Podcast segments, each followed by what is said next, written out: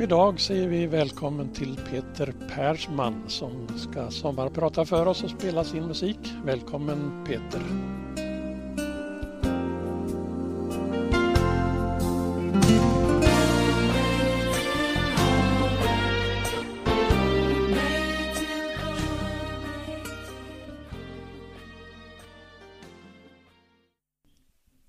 Hej!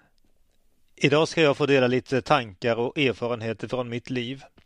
Jag heter Peter Persman och är kyrkoherde i Skällevad, Mo och Björna pastorat sedan två och ett halvt år tillbaka. Det är en spännande tjänst med stora krav och stora möjligheter. Som ni säkert hör så kommer jag inte härifrån Övikstrakten. Jag är uppvuxen utanför Göteborg, i Partille närmare bestämt. Min dialekt har blandats ut efter att jag bott på flera olika ställen. Mina R brukar jag säga att jag har fått ifrån min dagmamma Ulla som var ifrån Skåne. Hur är det då att komma inflyttad till Övik från Göteborg? Bara bra tycker jag. Jag trivs alldeles utmärkt här. Det är en sällsamt vacker natur här i Höga Kusten och jag har blivit mycket varmt välkomnad. Jag har fått möta många positiva och varma människor. Sedan är det ju så att jag inte kom direkt hit från Göteborg utan har flyttat norrut via Tyresö utanför Stockholm till Långsele, Sundsvall och Härnösand. Av dessa flyttar var nog den från Tyresö till Långsele den som var mest omvälvande. När jag första gången skulle åka upp och svängde av E4 norr om Timrå och åkte på 331 mot Sollefteå så hamnade jag bokstavligen mitt i skogen. Det var bara skog överallt ögat kunde se. Och så helt plötsligt så slutade mobilen att fungera. Enbart nödsamtal stod det på den. Det tog ett tag för mig innan jag förstod att det inte fanns någon täckning. Det var de första intrycken. Och det visade sig att det inte bara var jag som tyckte att omgivningen var annorlunda utan människor som jag mötte tyckte att jag var annorlunda. När kyrkoherden Johan åkte och visade mig runt i pastoratet kom vi att stanna vid en hembygdsgård. Där satt ett par äldre damer och drack kaffe. Här är vår nya präst, sa Johan till dem. Den ene damen såg på mig och vände sig sedan till kyrkoherden och sa Tror ni att han förstår om jag frågar hur han tycker det är här i Ångermanland? Jag svarade snabbt, ja det är jättefint här. Men något fortsatt samtal vart det inte där. Hur kan det komma sig? Jo, jag har ett utseende som kanske förbryllade damen. Jag är nämligen adopterad från Sydkorea och det verkade hon och en del andra i Långsele ha svårt att förstå. Som när jag skulle betala en dag på macken och sa några ord till kassörskan och hon till synes lättad utbrast och jag som trodde att du inte kunde svenska. Jag blev själv förvånad när jag får den här typen av kommentarer och förstår dem inte först. Sedan slår det mig att det är mitt utseende som förbryllar dem. Och så konstigt är väl inte det. Det är mycket som har ändrats i hembygden sedan damen vid hembygdsgården i Örbäck växte upp.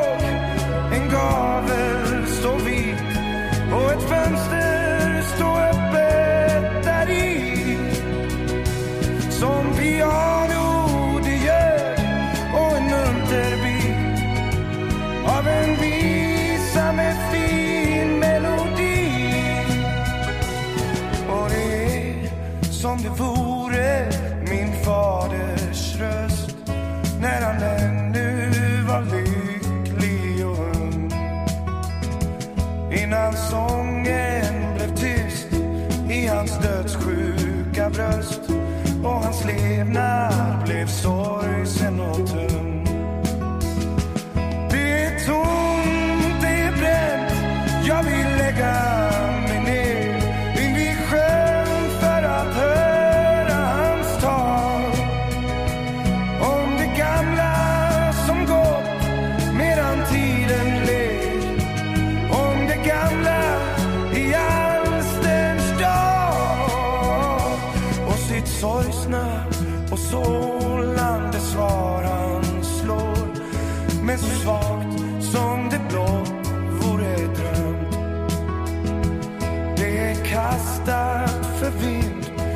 sedan tjugo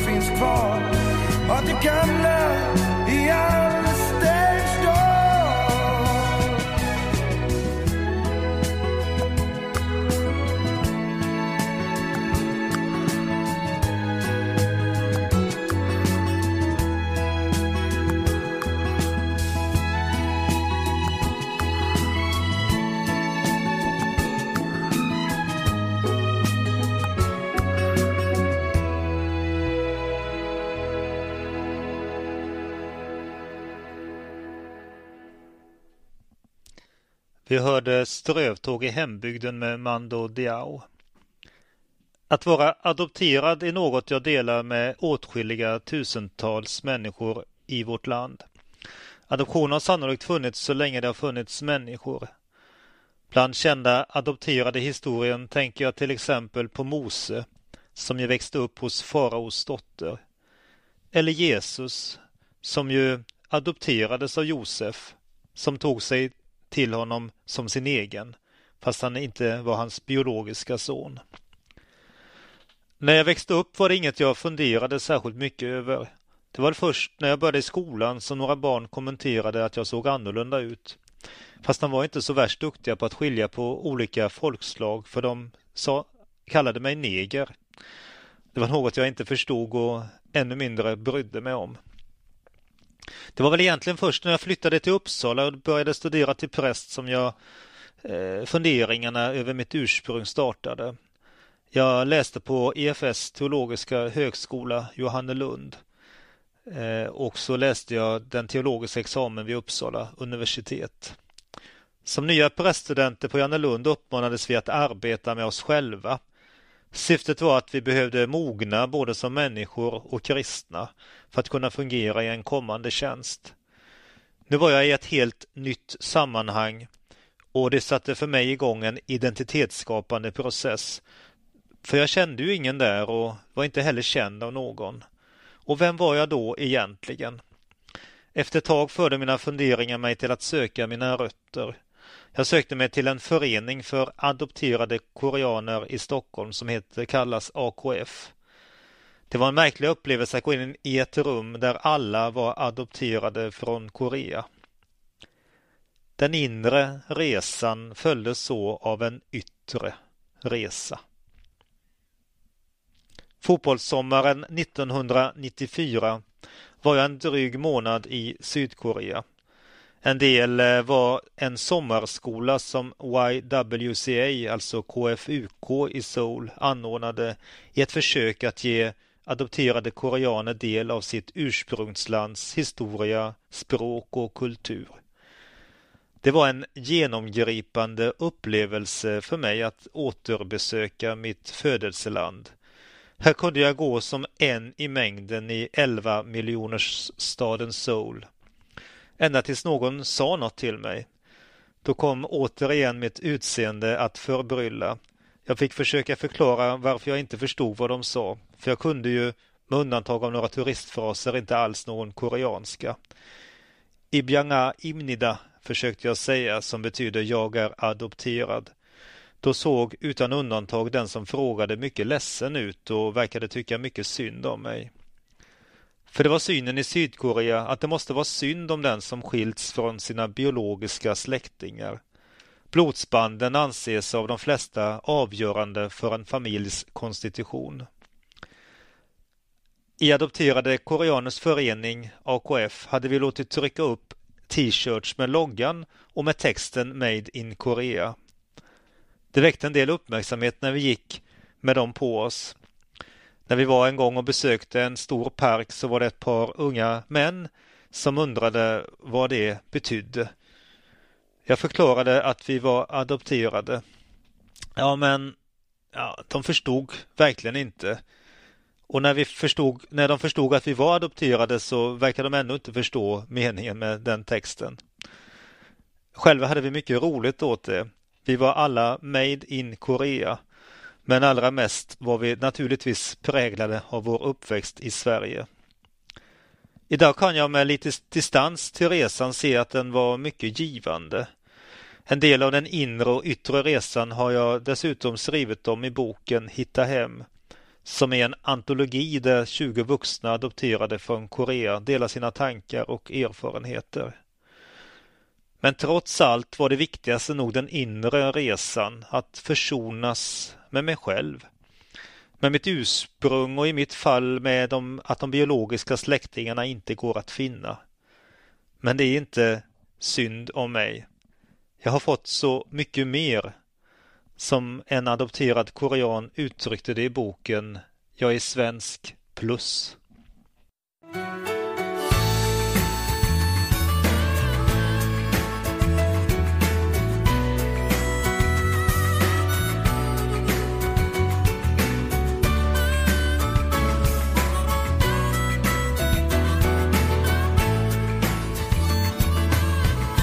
Tiden tjuter som ett larm Allt går ut på att hålla sig varm. När allting är gråare än grått Då söker jag dig. När varje dag känns som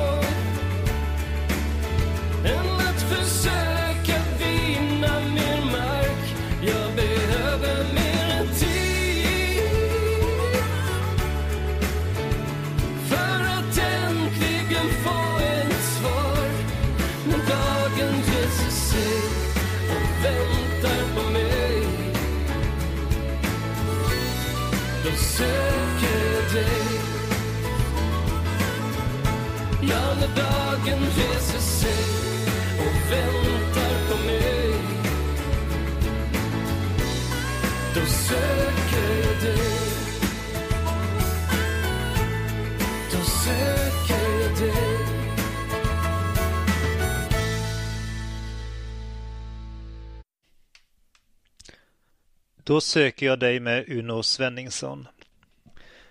Världen är större idag och avstånden mindre. Att en sydkoreansk popartist kan slå igenom runt om hela världen genom Youtube är ett exempel. Och ett exempel på det sydkoreanska undret. Hur landet rent ekonomiskt och inflytelsemässigt rest sig och är idag en av världens tio starkaste ekonomier. Åtskilliga svenskar använder till exempel dagligen mobiler, datorer och tv-apparater från Sydkorea. Många förfasar sig över internet och oroar sig över de många faror som finns där. Och visst är det så. Men samtidigt finns det något i det som tilltalar mig. Att nätet förenar människor över hela världen. Att nätet visar att de gränser som ibland blivit murar mellan människor inte är så viktiga. Att nätet kan visa att det som förenar människor är långt mycket viktigare än det som skiljer människor åt. Det senare är en erfarenhet jag har fått göra som präst. Något av det viktigaste och bästa och finaste med att vara präst är att få förmånen att dela och tyda de kanske viktigaste händelserna i människors liv. Att välkomna det nya livet, barnet i dopet. Att ta ett steg ut i vuxenlivet som konfirmand. Att bekräfta kärleken i vigseln och att ta avsked i begravningen. Det är verkligen den största glädjen och den största sorgen i människors liv. Den mest genomgripande erfarenheten av detta delande av människors livsvillkor var för mig vid diskoteksbranden i Göteborg 1998. Jag var då ungdomspräst i Härlanda, Göteborg och kom att arbeta i tre dygn med att lämna dödsbud tillsammans med polisen. Arbetet var tidskrävande och jag kom att besöka tre familjer som drabbades av detta fruktansvärda besked. Dessa familjer hade tre helt olika livssituationer. De kom till synes från olika samhällsklasser de hade olika religioner och trosinriktningar och de hade olika etnisk bakgrund. Men ändå delade de det fruktansvärda att ha förlorat ett barn där under natten i branden. Vi föds lika och vi dör lika. Inför döden är vi alla lika. Och det här gav mig en gång för alla insikten att det som förenar oss människor alltid är mycket mer än det som skiljer oss åt. Du fördrev mig, Gud. Från mitt hemland slet jag bort. Här är jag en flykting och en främling och det ödet finner jag mig i. Men du tog mitt barn. Du tar mig ifrån min man. Jag kan inte längre se en mening. Vad är det du vill? Vad ska jag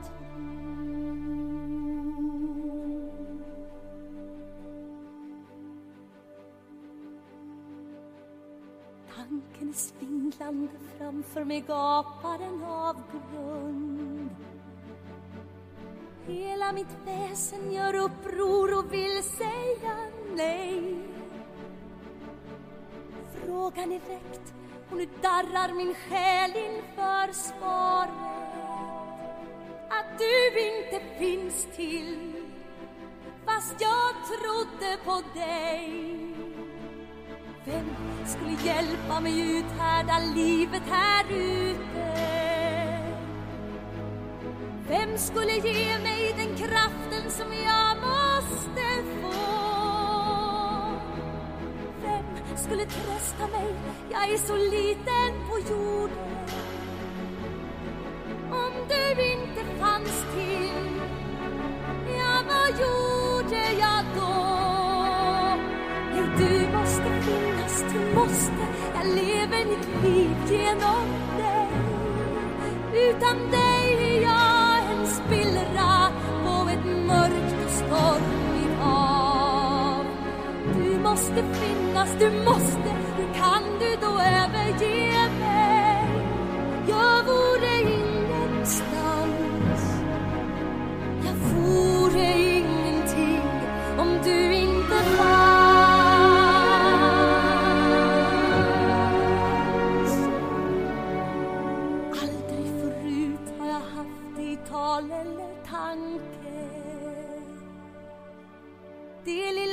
ordet som skrämmer och plågar mig så Ordet är om, om jag bett alla böner förgäves Om du inte finns till vad ska jag göra då? Vem skulle känna min ånger sedan förlåt? Friden i själen, ja vem skulle skänka mig den? Vem skulle så ta emot mig till slut efter döden? Om du inte fanns till vem tog hand om mig sen? Nej, du måste finnas, du måste Jag lever mitt liv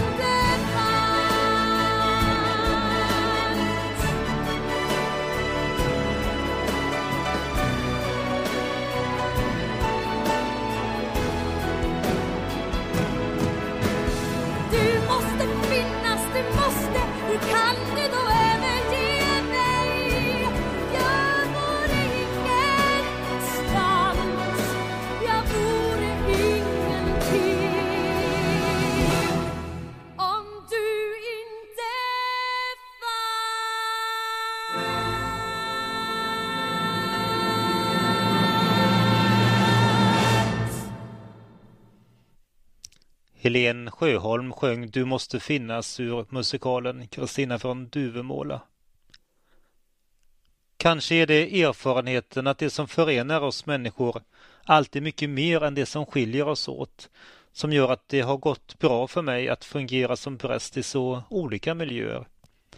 Människor är människor vare sig de bor i Göteborg, i Stockholm eller här i Nolaskogs. När jag hade varit fem år på min förra tjänst i Härsjö Ljusdorp på Tyndöre pastorat i Timrå kommun började jag känna att det var dags att gå vidare. Jag trivdes i och för sig bra men behövde nya utmaningar. Det här med att hitta rätt med var man ska bo och arbeta är inte alltid så lätt. Som kristen och präst vill man dessutom uppleva att det är Gud som kallar en och leder en.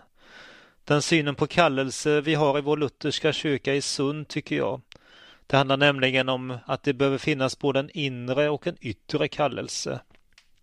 Den inre kallelsen är längtan till en uppgift och den yttre är bekräftelsen från kyrkan eller församlingen. Och i Skällevad, Mo och Björna församlingar fanns båda. Jag fick ett väldigt positivt intryck vid intervjun. Det är ett stort pastorat med många eh, anställda, stora resurser och många duktiga medarbetare, både de som är anställda och de som är ideella.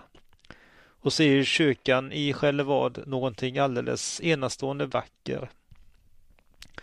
Men min första tid här kom att bli annorlunda än jag hade föreställt mig.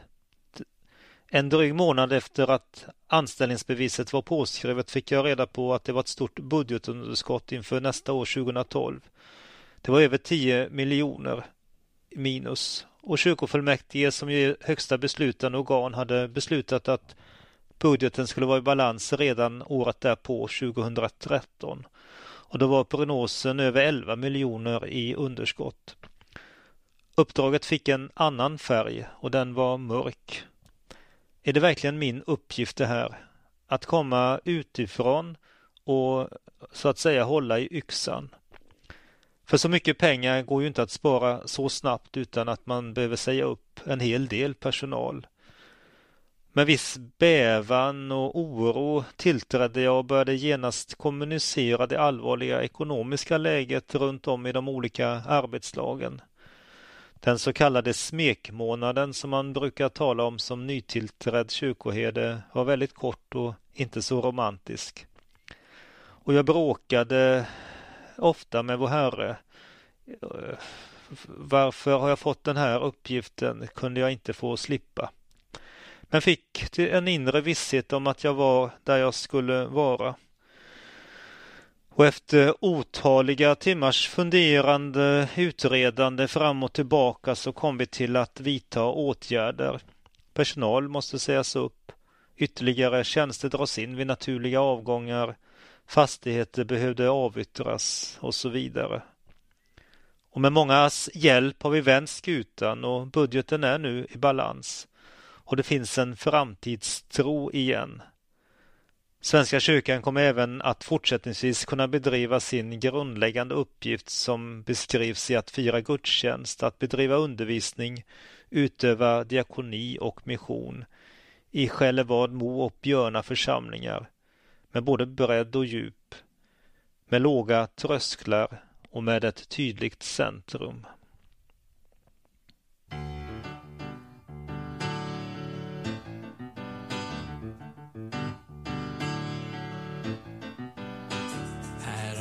Dagen hade jag en märklig dröm Genom staden ringlade en ständig ström av människor som var på väg och gick med raska steg. De vandrade framåt fastän gatan den var trång.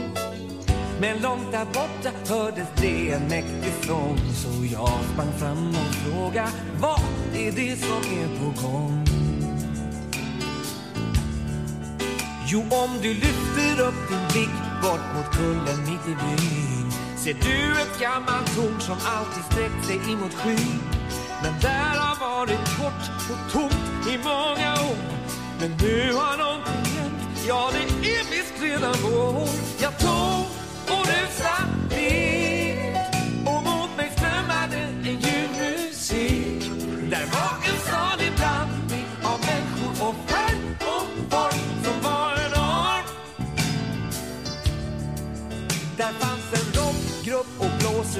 som Frälsnings sjunde kår. Jag såg en puckfrisyr och tanter med knutar i sitt hår.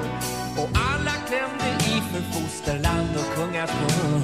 Och taket lyfte sig när både gammal och ung sjöng med. Jag hade aldrig hört dess like förr. Det var det vackraste som rört mitt hjärtas dörr och hela stället gunga så jag fick lust att sjunga med. Säg får jag sjunga med? Ja, visst får du sjunga med i vår kör. För här är ingen enda utanför.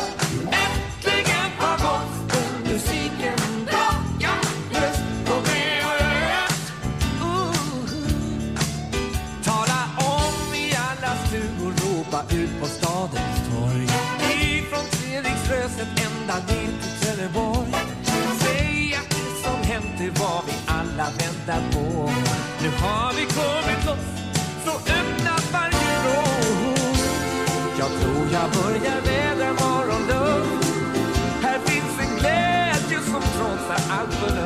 En mäktig vind som blåser stark och värmer frusen mark.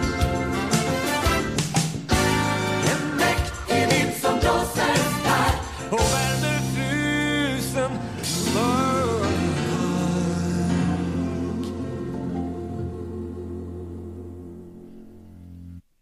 Morgonluft med Per-Erik Hallin. En annan sak som gör det lätt för mig att trivas i Övik är att det finns en hel del gemensamt med Göteborg. Båda kommunerna ligger vid havet. Båda är gamla industristäder som delvis har förändrats till att producera tjänster istället. Och kyrka och idrott är viktigt på båda ställena. För vid sidan av kyrkan är idrott ett stort intresse för mig. När man är från Göteborg är det naturligt att man spelar fotboll. Det gjorde de flesta pojkar och även jag när jag växte upp.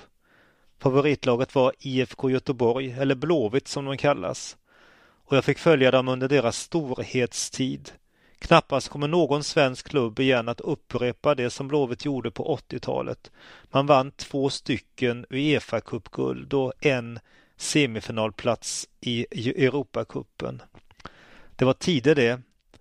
Jag minns också hur det väckte uppmärksamhet i fotbolls-Europa att de var amatörer.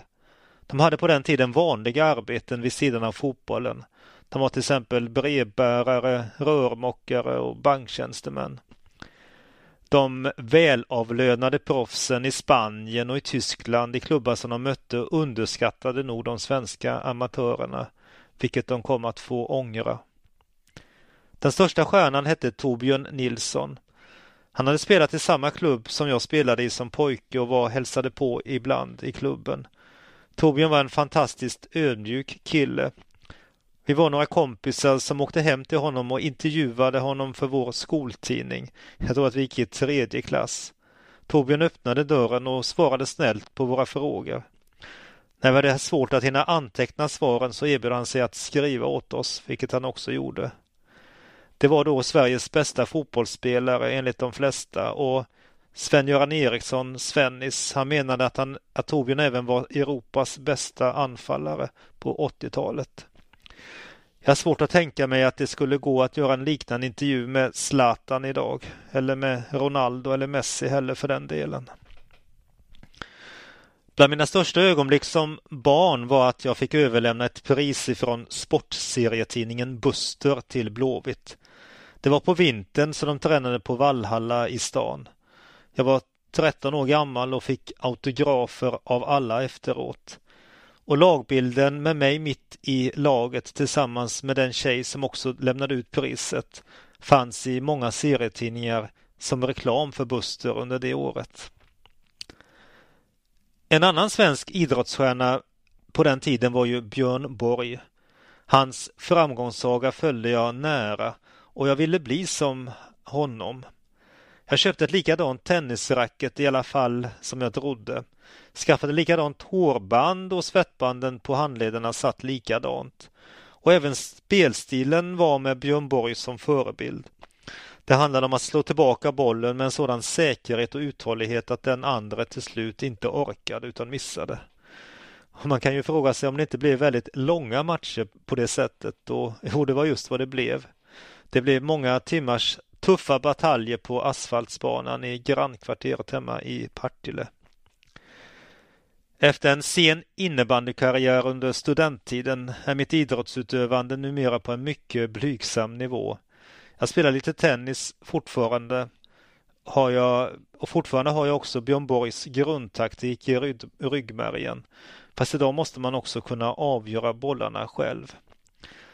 Och det är väl det som är det roliga med en sport som tennis, att man kan hålla på med den långt upp i åren och fortfarande utvecklas. Och det gäller även i hög grad för golf som jag fastnat för under de senaste åren. Men hemma i tv-soffan där är jag expert och supporter också på samma gång.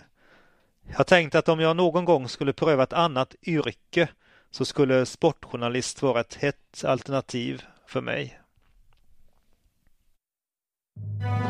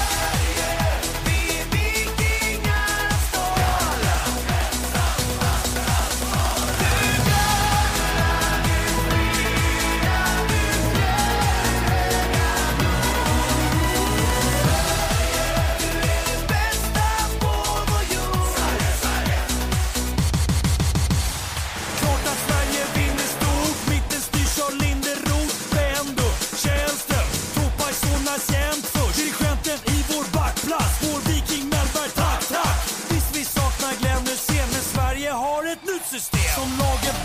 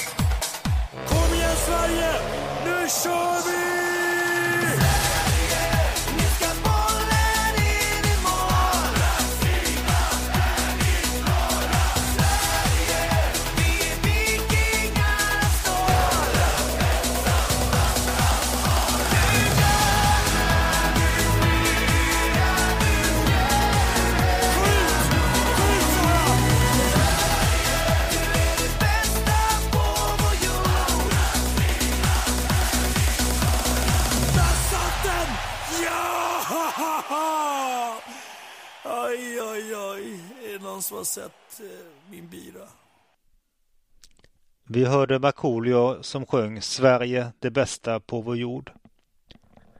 Du kan vara glad som har dina hundar, sa företagssköterskan till mig vid hälsokontrollen.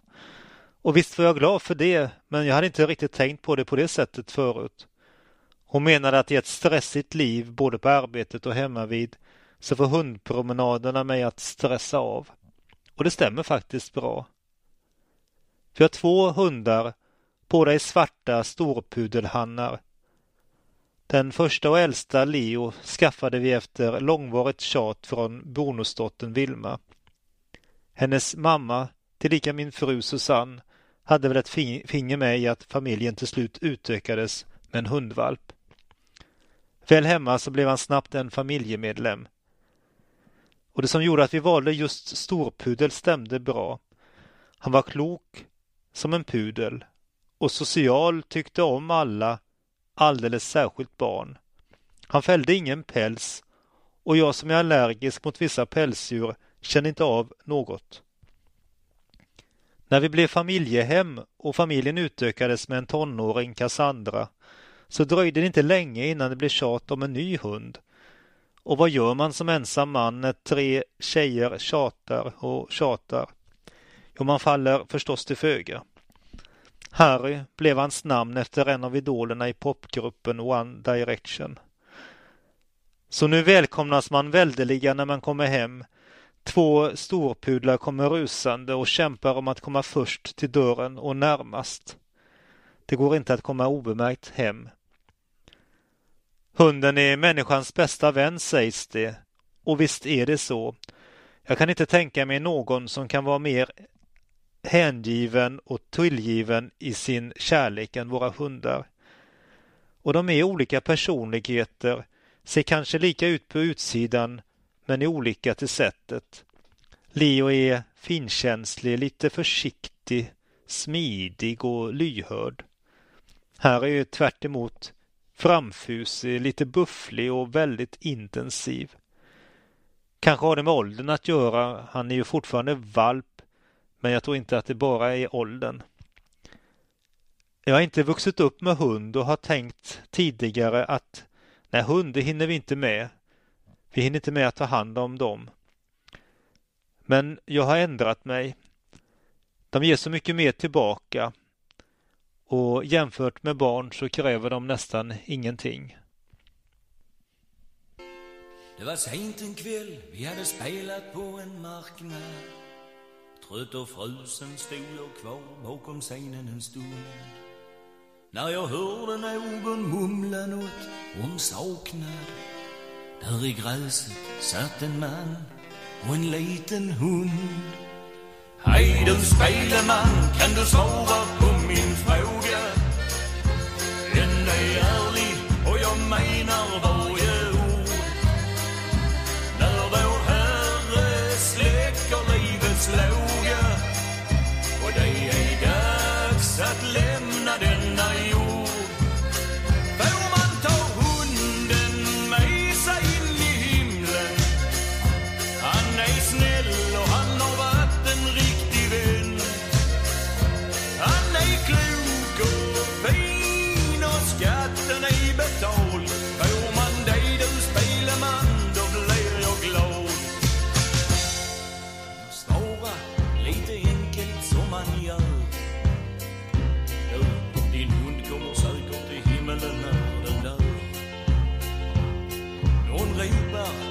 det är dags att åka hem. När jag satt där i bilen tänkte jag på frågan igen. Hej du speleman, kan du svara på min fråga? Den är ärlig och jag menar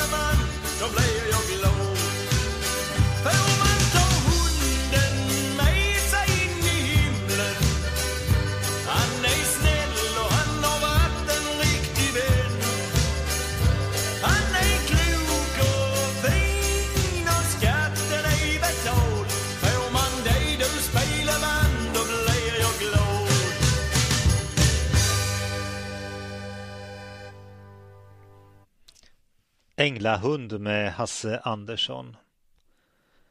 En dag blev jag riktigt förvånad när jag i mejlkorgen bland dagens många mejl upptäckte ett från en för mig okänd avsändare, Pernilla Månsson Kolt. Hon frågade i egenskap av producent om de fick spela in Antikrundan i Skällevads kyrka. Hon berättade att engelska Antikrundan många gånger har spelats in i just kyrkor. Och då måste jag erkänna min okunskap på området. Jag visste inte vem Pernilla Månsson Colt var förrän fastän namnet lät bekant och hade inte sett mer än någon kort glimt av Antikrundan. Så jag var tvungen att fråga dem som visste. Och det visade sig att det var många som visste och många som hade Antikrundan som sitt favoritprogram på tv. Och eh, på det Pernilla Månsson Colt hade minsann inte bara ett utan två program som hon dessutom var programledare för. Men eftersom det var ovanligt eh, tog jag det till kyrkorådet där ledamöterna blev eld och lågor över möjligheten att få Antikrundan till Skällevads kyrka. Vi resonerade om det kunde anses anstötligt och huruvida det kunde, som det heter, kränka kyrkorummets helgd med inspelningen. Men vi fann enhälligt att det fanns inte något i programmet som inte skulle kunna rymmas i ett kyrkorum. Tack vare ett nära samarbete med kommunen så kan vi iordningställa Skällevads kyrka för Antikrundan. Och det är en hel del logistik som ska till vad gäller parkeringar, toaletter, servering med mera. Men sammantaget känns det väldigt spännande och roligt att kunna bjuda in svenska folket i vårt vackra kyrkorum i Skällevad. Jag tänker att de vackra bilderna som kommer att sändas för uppskattningsvis en och en halv miljon tittare kommer att visa upp Övik på ett positivt sätt. Och som präst vet jag ju att det tysta kyrkorummet också talar. Det märks på människor som kommer in i ett kyrkorum att de upplever att det talar till dem. Det finns någonting där, en närvaro. De i sig själv döda föremålen pekar på och förkunnar om den Gud som skapat allt liv och gett oss förmågan som människor att skapa sköna och vackra ting. Några av de sköna och vackra tingen kommer vi att få lära mer om när Antikrundan kommer till Skällevads kyrka.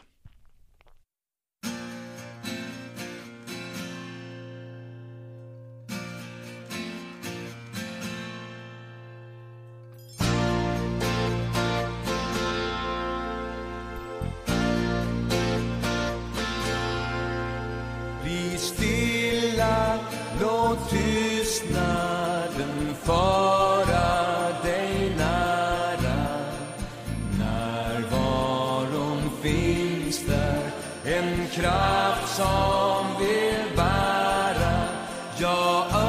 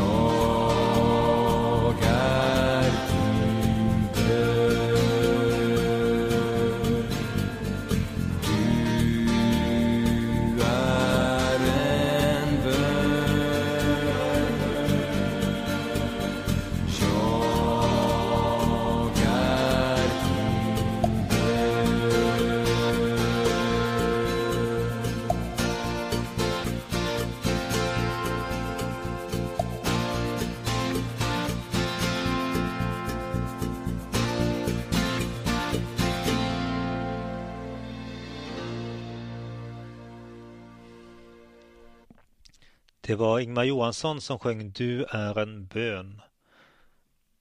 Ja, nu har jag fått tillfälle att dela med mig av mina tankar och erfarenheter. Till dig som har lyssnat säger jag ett varmt tack för att du tog dig tiden och hoppas att vi får tillfälle att träffas i verkligheten så att jag kan få lyssna till dig också. För vi har alla en alldeles unik och egen livsberättelse. En berättelse som är värd att berätta och att någon lyssnar till. Nu har jag fått dela lite av min och önskar er alla Guds rika välsignelse och en riktigt skön och härlig sommar. Och så vill jag avsluta med en sång som är tillägnad Vilma och Cassandra, Story of My Life, med One Direction.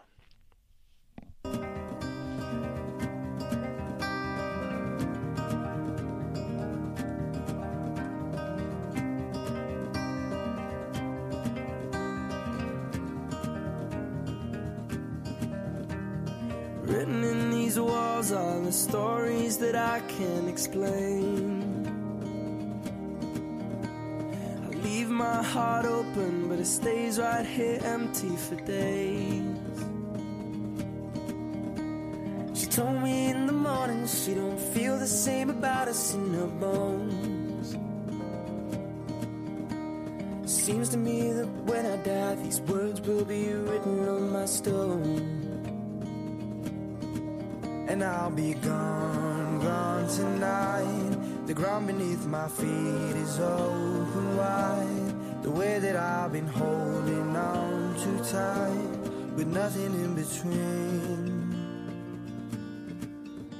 The story of my life, I'll take her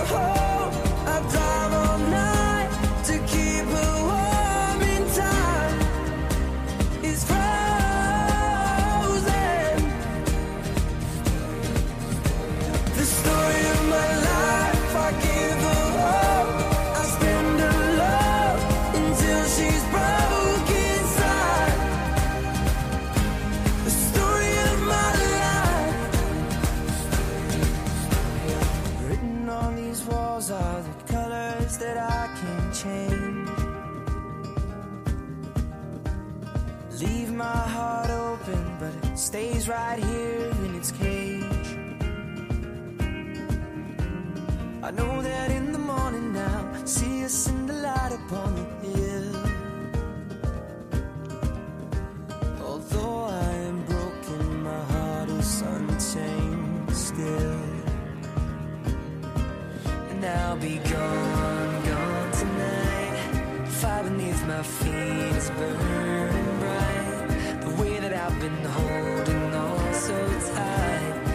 nothing in between.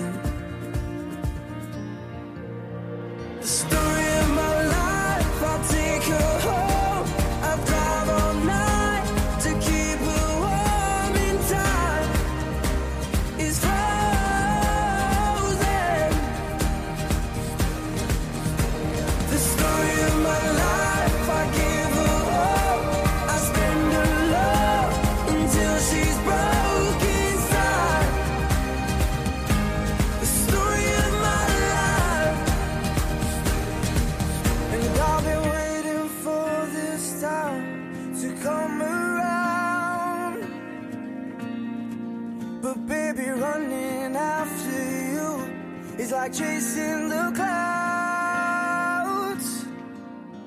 The story of my life, I take her home. I drive all night to keep her warm and time is frozen.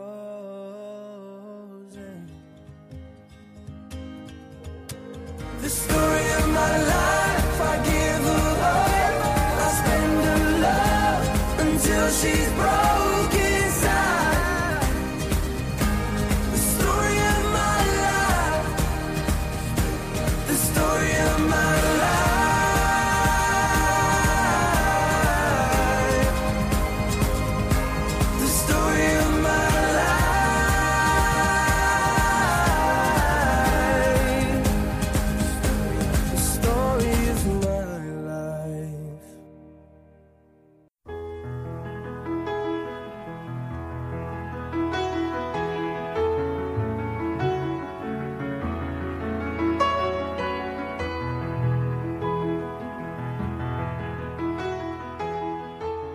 Du har lyssnat till programmet Sommarpratarna som sänds i Radio Örnsköldsvik 89,8 eller 105,7 MHz eller via internet på www.radioovik.se.